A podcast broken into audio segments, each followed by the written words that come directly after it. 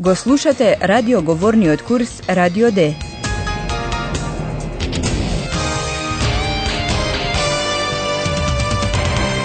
Заеднички проект на Гете институтот и Радио Дојче Веле. Авторка е Херат Мезе.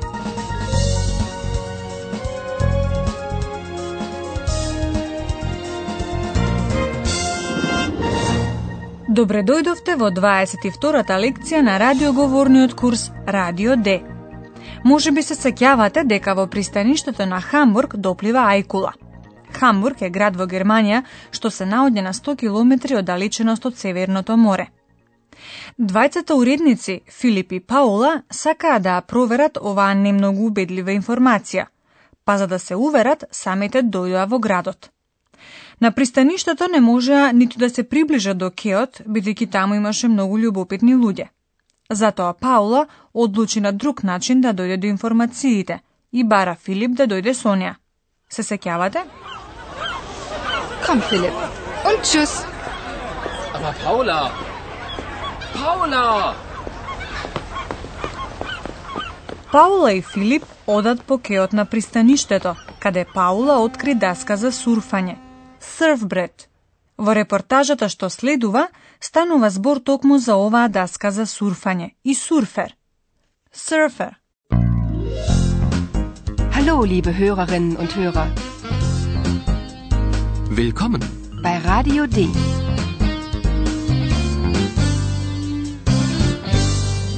Radio D. Die Reportage. Слушнете ја сцената и обидете се од контекстот на разговорот да разберете што се вели за даската за сурфање и сурферот. Hm? Guck mal. Was ist denn das? Ein Surfbrett. Das ist ein Surfbrett. Das war ein Surfbrett. Das ist ja kaputt. Das war bestimmt der Hai. Ja, Mendern, das war der Hai. Und der Surfer? Wo ist der Surfer? Tja, das weiß nun niemand, ne? Der ist weg. Die Polizei sucht ihn noch. Es gibt also ein Surfbrett, aber keinen Surfer? Ja, ist das nicht schrecklich? Слушнавте ли дека Филип зборува во минато време за даската за сурфање? Ein Surfbrett. Das ist ein Surfbrett. Das war ein Surfbrett. Филип зборува во минато време за даската за сурфање, бидејќи е искршена и веќе не може да се користи. Das ist ja kaputt. Ајкулата ја изгризала даската за сурфање, тврди Паула шеговито. Das war bestimmt der Hai. Но еден од љубопитните луѓе на Кеот цврсто е убеден во тоа. Тој се обраќа на Паула на хамбуршки дијалект, на типично северно-германски начин, што во стандардниот германски јазик одговара на формата «Junge Frau», млада дамо. Ja, Mendern, das war der Hai. Но ако има даска за сурфање, мора да има и сурфер, или имало. А каде е тој? Се чини, никој не знае. Го нема. И полицијата го бара. Und der Surfer? Wo ist der Surfer? Tja, das weiß nun niemand, ne? Der ist weg. Die Polizei sucht ihn noch. Јасно е дека Филип и Паула сака да ја истражат оваа мистериозна случка. Но за тоа прво мора да соберат сила. Па во една сендвичара, имбисштанд, нарачуваат нешто за јадење и пиење. Сакаат да нарачаат, но...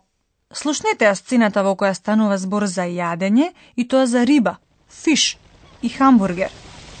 И разбирате ли играта со двојното значење на зборот хамбургер? Guten Tag. Was darf denn sein? Ein Mineralwasser bitte. Einen Hamburger. Den haben wir nicht. Was? In Hamburg gibt's keinen Hamburger?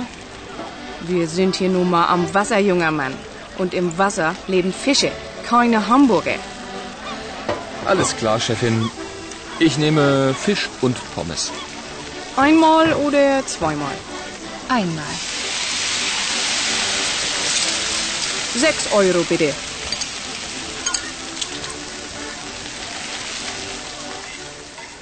Како што знаете, сцената се одвива во Хамбург, а луѓето кои живеат таму на германски се нарекуваат Хамбурга.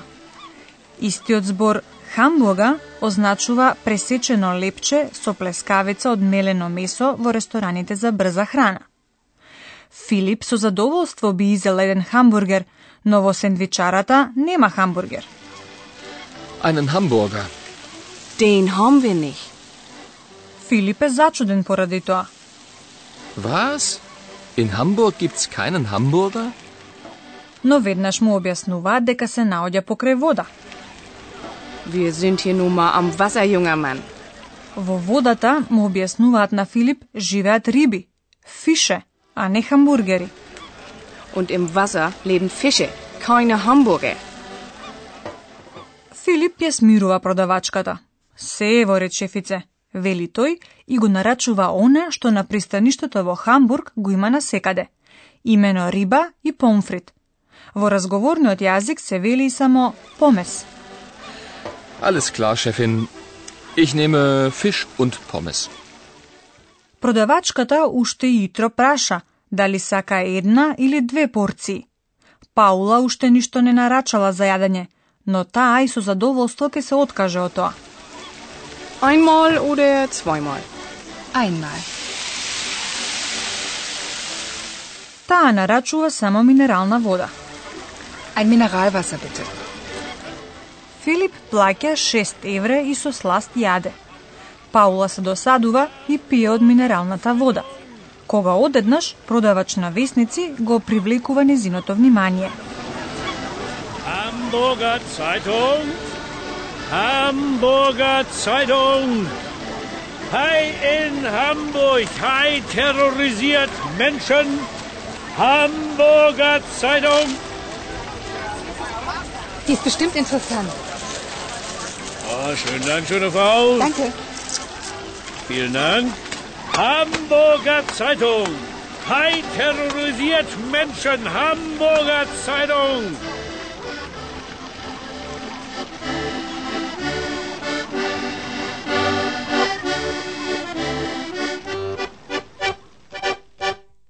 Сега се се одвива многу брзо.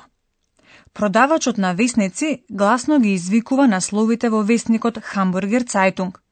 Ајкула тероризирала луѓе. Паула се разбира веднаш го купува весникот. Слушнете што откриваат Филип и Паула во весникот. Hey Philipp, siehst du das? Was denn? Das Foto. Was? Siehst du das? Ein Hai und Paul, und Laura. Sie haben Angst, ganz klar. Philipp, ich will Sie sofort sprechen. ja. Сигурно разбравте дека Филип и Паула открија фотографија на насловната страница на булеварскиот вестник. Hey Philipp, siehst du das? Was denn? Das Foto.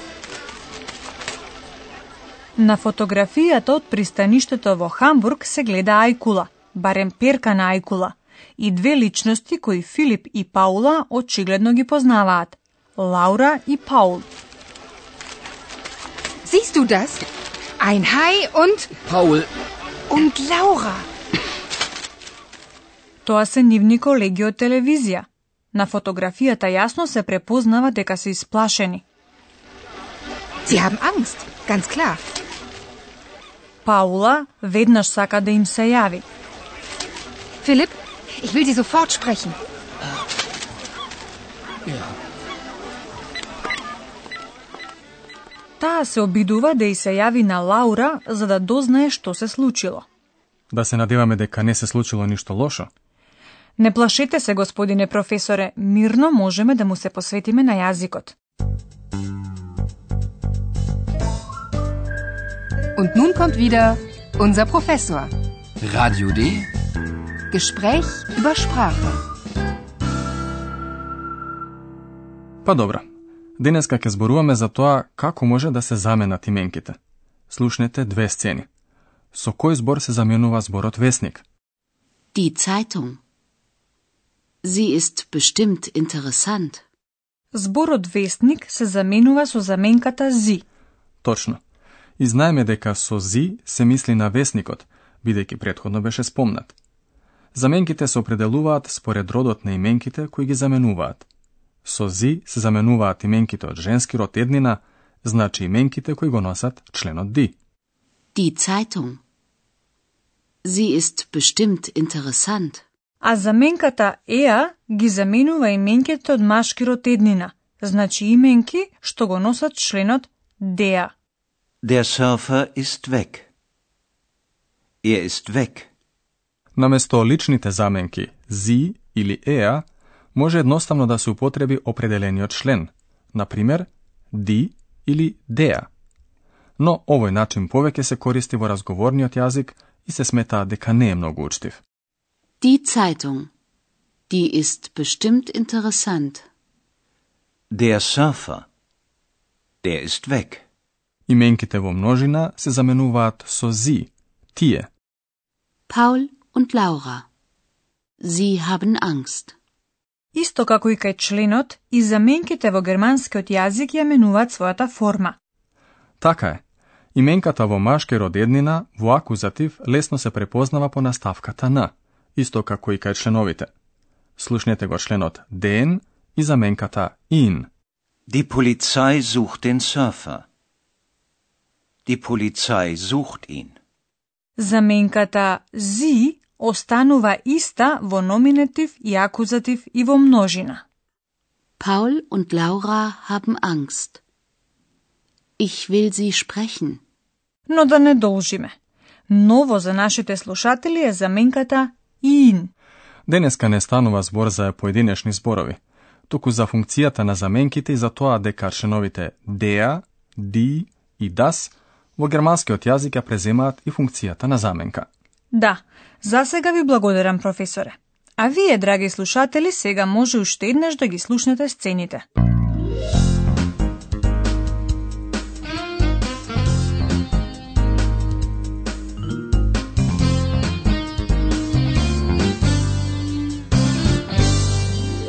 Слушнете ја првата сцена на Киот на пристаништето во Хамбург.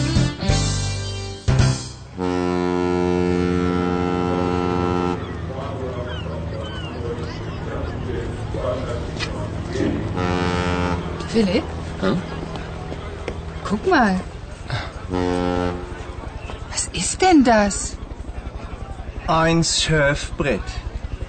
Das ist ein Surfbrett. Das war ein Surfbrett. Das ist ja kaputt. das war bestimmt der Hai. Ja, mein Dern, das war der Hai. Und der Surfer? Wo ist der Surfer? Tja, das weiß nun niemand, ne? Der ist weg. Die Polizei sucht ihn noch. Es gibt also ein Surfbrett, aber keinen Surfer? Ja, ist das nicht schrecklich?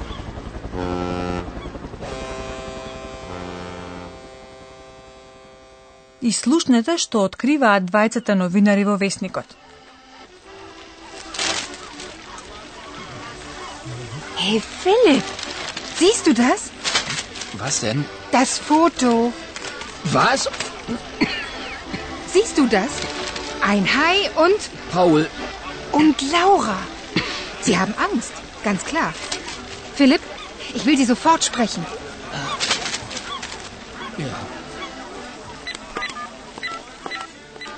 Во наредната лекција, Пауло и Филип ќе дојдат до ново чудно откритие.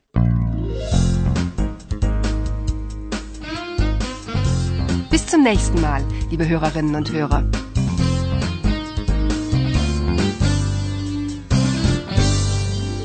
Го слушавте Радио Д, курсот по германски на Гете институтот и Радио Дојче Веле. Und tschüss.